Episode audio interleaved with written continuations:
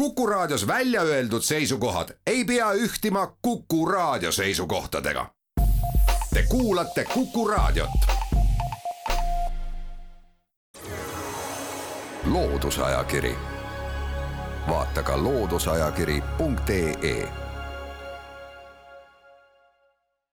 tere õhtust kõigile teile, head Kuku raadio kuulajad. täna saates külas Allan Selin Eesti lepidopteroloogide seltsist. tervist! tervist kõigile! Teil on ajakirja Eesti Loodus jaanuari numbris aastaliblikat tutvustav artikkel Keldriöölasest kirjutate. mina olen saatejuht Tiiu Rööpsel ja unustasin öelda. aastaliblikat valib Eesti lepidopteroloogide selts. mitmes kord see juba on? kui ma ei eksi, siis Päeva Paabusilm oli esimene aastaliblikas. jah, just täpselt nii, et esimest korda me valisime kahe tuhande neljateistkümnendal aastal, noh, siin teiste soliidsete loodust uurivate organisatsioonide järgi mõtlesime, et,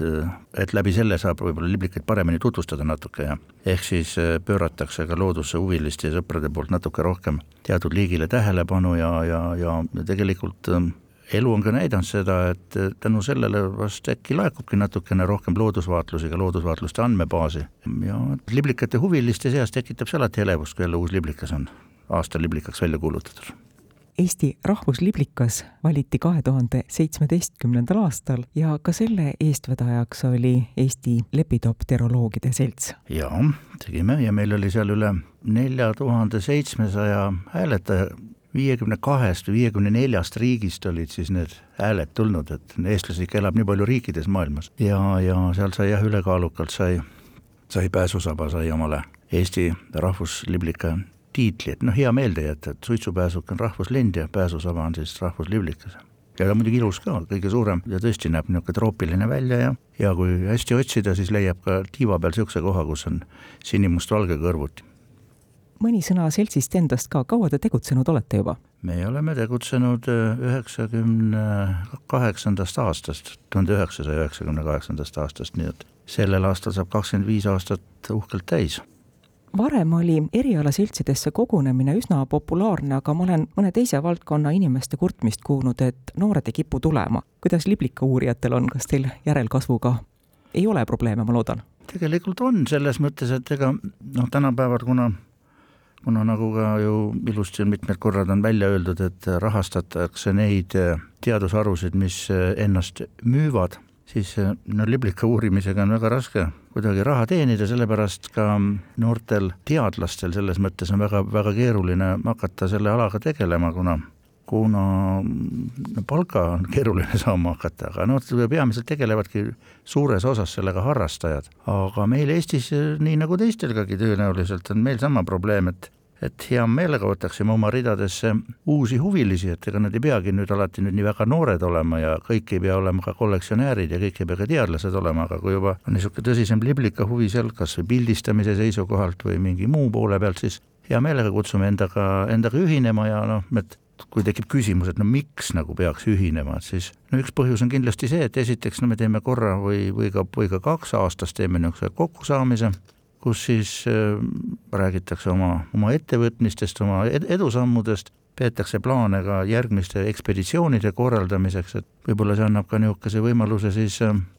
mõne seltskonnaga ühineda, kes siis käivad äh, kuskil ka mitte ainult Eestis, vaid noh, üle maailma käime, erinevad grupid käivad erinevates kohtades putukaid ja liblikaid taga ajamas.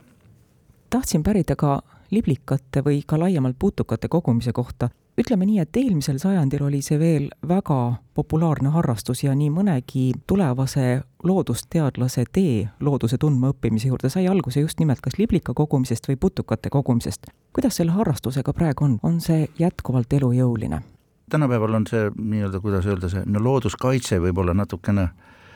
natukene hakkab võib-olla teatud määral mingitest raamidest välja minema, et üle maailma tegelikult on päris paljudes riikides, kus üldse ei tohi putukaid no püüda ja et see on lausa kriminaalselt karistatav riigi, teatud riigi seaduste järgi, no Eestis ta küll õnneks nii keeruline ei ole, aga no meie seltsi liikmetele antakse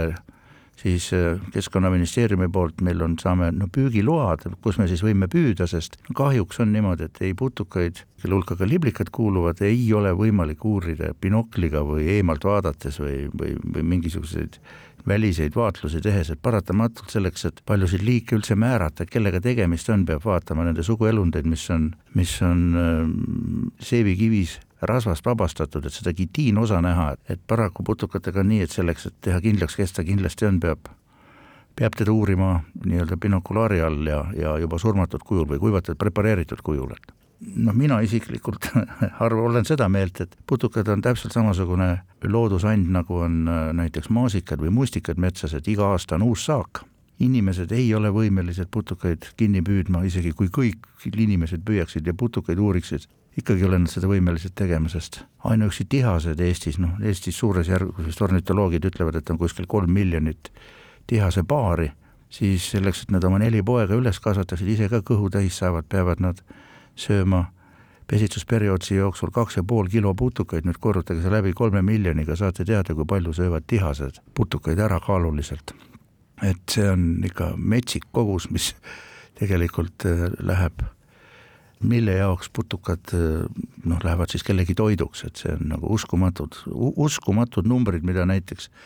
mingi nahkhiire koloonia kuskil Lõuna-Ameerikas, kus nahkhiired peavad selleks, et järgmise päeva õhtuni elada, kaheteistgrammine nahkhiir peab sööma umbes kuus grammi putukaid. kui sul on kaheksa miljonit nahkhiirt, korrutage jälle läbi, saate ühe niisuguse naftatsisternide ja kuuskümmend tonni putukaid sööb üks nahkhiire koloonia ühe ööga, et noh, mõelge nüüd ise, kui inimesed kollektsioneerivad ja püüavad neid, kas siis on võimalik neid kuidagi hävitada või? ka, ka, ka mürkidega pole neid võimalik hävitada, selles mõttes, et eh, kui palju võideldakse põllukahjuritega ja ja muude asjadega, aga ei kao nad kuhugi, kaovad ära siis, kui hävitatakse ära nende biotoop, et raiuge maha metsad ja saategi lahti nendest metsaputukatest kohe kiiresti. pöörame nüüd veidikene tähelepanu ka aastaliblikale keldriöölasele. mis on selle liblika juures erilist või tähelepanuväärset, et just tema valiti aastaliblikaks? kuna meil on niisugune, niisugune seltsisisene kokkulepe, et me teeme üks aasta valime päevaliblika ja teine aasta valime siis nii-öelda öösel toimetava liblika. ja käesoleval aastal siis on öösel toimetava liblika kord ja kuna nüüd keldriöölane on selline üks väheseid liblikaid, kes meil talvitub valmikuna, see tähendab seda, et juba sellisel kujul, kui tal tiivad küljes on ja lennata suudab, sest noh, liblika elu tegelikult hakkab ikka sellest hetkest, kui röövik munast välja tuleb, et lihtsalt, see on tema tema nooruspõlv ja puberteet, puberteet möödub tal nuku sees ja kui ta ükskord tiivad saab, siis ta on nüüd juba täisealine ja võimeline sugu jätkama. ja kuna tema on üks selline liblikas, kes siis talvitub ja keda me võime ka talvel praegu kohata, kellel on kuskil maakeldrid või ka kuskil pööningul või, või, või mingi eraldi saunas kuskil seina peal, siis mõtlesime, et oleks põnev temast natukene rääkida ja võib-olla tähelepanu juhtida temale, kuigi ta on väga tavaline liblikas, ta on üle Eesti igal pool levinud aga noh, teda on niisugune põnev esile tõsta ja, ja võib-olla siis inimestel pööravad rohkem tähelepanu ja ja need, kes putukate looduse vastu rohkem huvi tunnevad, näevad juba järgmistel aastatel seina peal tuttavat tegelast. kas ähm, keldriöölasel oli ka konkurente, keda oleks võinud samamoodi valida selle aasta liblikaks või oli see täiesti üksmeelne otsus, keldriöölane ja, ja nii saab? ei no valit-, kokku pandi kaks liblikat, üks oli keldriöölane, teine oli paakspuu vaksik ja nad äh, võivad seal keldriseinte peal kõrvuti talvituda, nii et tegelikult lihtsalt kuna paakspuu vaksik on võib-olla natuke tagasihoidlikuma värviga ja, ja tema nagu kunagi ei taha lennata valguse peale, mida keldriöölane tegelikult lendab valguse peale, et ta võib ka sügisõhtutel teil kus kuidagi tuppa sattuda. keldriöölane on ka värvikirevam ja, ja, ja tema, kuna ta niisugune see ladinakeelne nimigi liigi epiteet libatrix ehk see tähendab siis eesti keeli võiks ta olla, olla niisugune õukonnadaam, et äh, kui teda nüüd õige nurga alt vaadata, siis ta tiivad kokku pandult võib-olla meenutavad niisugust äh, keskaegset daamikleiti, niisugust punakat kleiti kerge ilusa toonitusega siit ja sealt, et. Nii tänavune aasta liblikas. Keldriöölane kui siis tema konkurent selles valikus Paakspuu Vaksik, nemad mõlemad talvituvad valmikuna, eks ole? just kas Eestis on veel palju selliseid liblikaid? no Eestis elab suurusjärgus kuskil kaks ja pool tuhat liiki liblikaid, nendest siis umbes tuhat liiki nimetatakse suurliblikateks ehk makrodeks ja tuhat viissada on siis mikrod ehk pisiliblikad, võib-olla rahvakeeli koilliblikad, siis tegelikult noh, niisuguseid liblikaid, kes talvitub kes meil talvituvad nendest suur, suurliblikatest, noh, tuleb vast ehk kokku niisugune viisteist, viisteist, kakskümmend liiki, et neid on väga vähe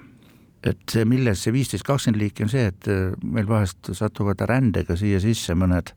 niisugused liblikad, kes põhimõtteliselt võiksid talvitada, aga noh, soodsatel talvedel nad ongi talvitunud, kui jälle, kui tuleb käredam talv, siis nad hukkuvad. Ja siis jälle ootame kümme-viisteist aastat, kuni jälle mingisuguse rändega nad meil sisse tulevad ja heal juhul talvel siia ka talmituma jäävad, et no sellised liblikad on näiteks siin noh, võib-olla Admiral, niisugune rohkem tuntud siis ähm, valgetäht pajuliblikas, kes võiks ka talvituda ja, ja, ja ongi talvitunud kaks tuhat kaksteist, kaks tuhat kolmteist nad talvitusid siin. et mõningaid liike on, kuid see on väga, väga vähe võrreldes meie liblikate üldise liigilise rikkusega tihased teevad juba mõnda aega kevade tuleku häält ja seda häält hakkavad tegema juba varesed ka. kes on liblika uurijate jaoks esimesed kevade kuulutajad?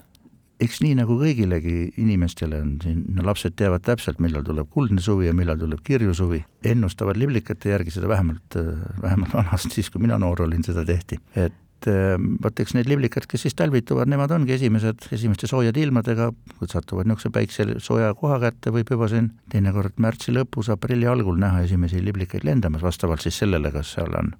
kirju koerliblikaga tegemist või on siis hoopis kollase või kuldse lapsuliblikaga tegemist. Nemad on need, kes siis esimesed kevadekuulutajad on. kui sageli leitakse Eestis uut liblikaliiki? no niikaua, kui meie selts on tegutsenud, pole ühtegi aastat olnud, kui poleks leitud, et küsimus mitte ei ole mitte ühes liigis, vaid isegi iga aasta on no, mitmeid liike, on võib-olla võib-olla viletsam aasta on niisugune, kus on viis-kuus liiki, paremad aastad on niisugune paarkümmend liiki. see tähendab seda, et, et liblikate uuritus on aina parem, aga ka paratamatult kliima muutub, et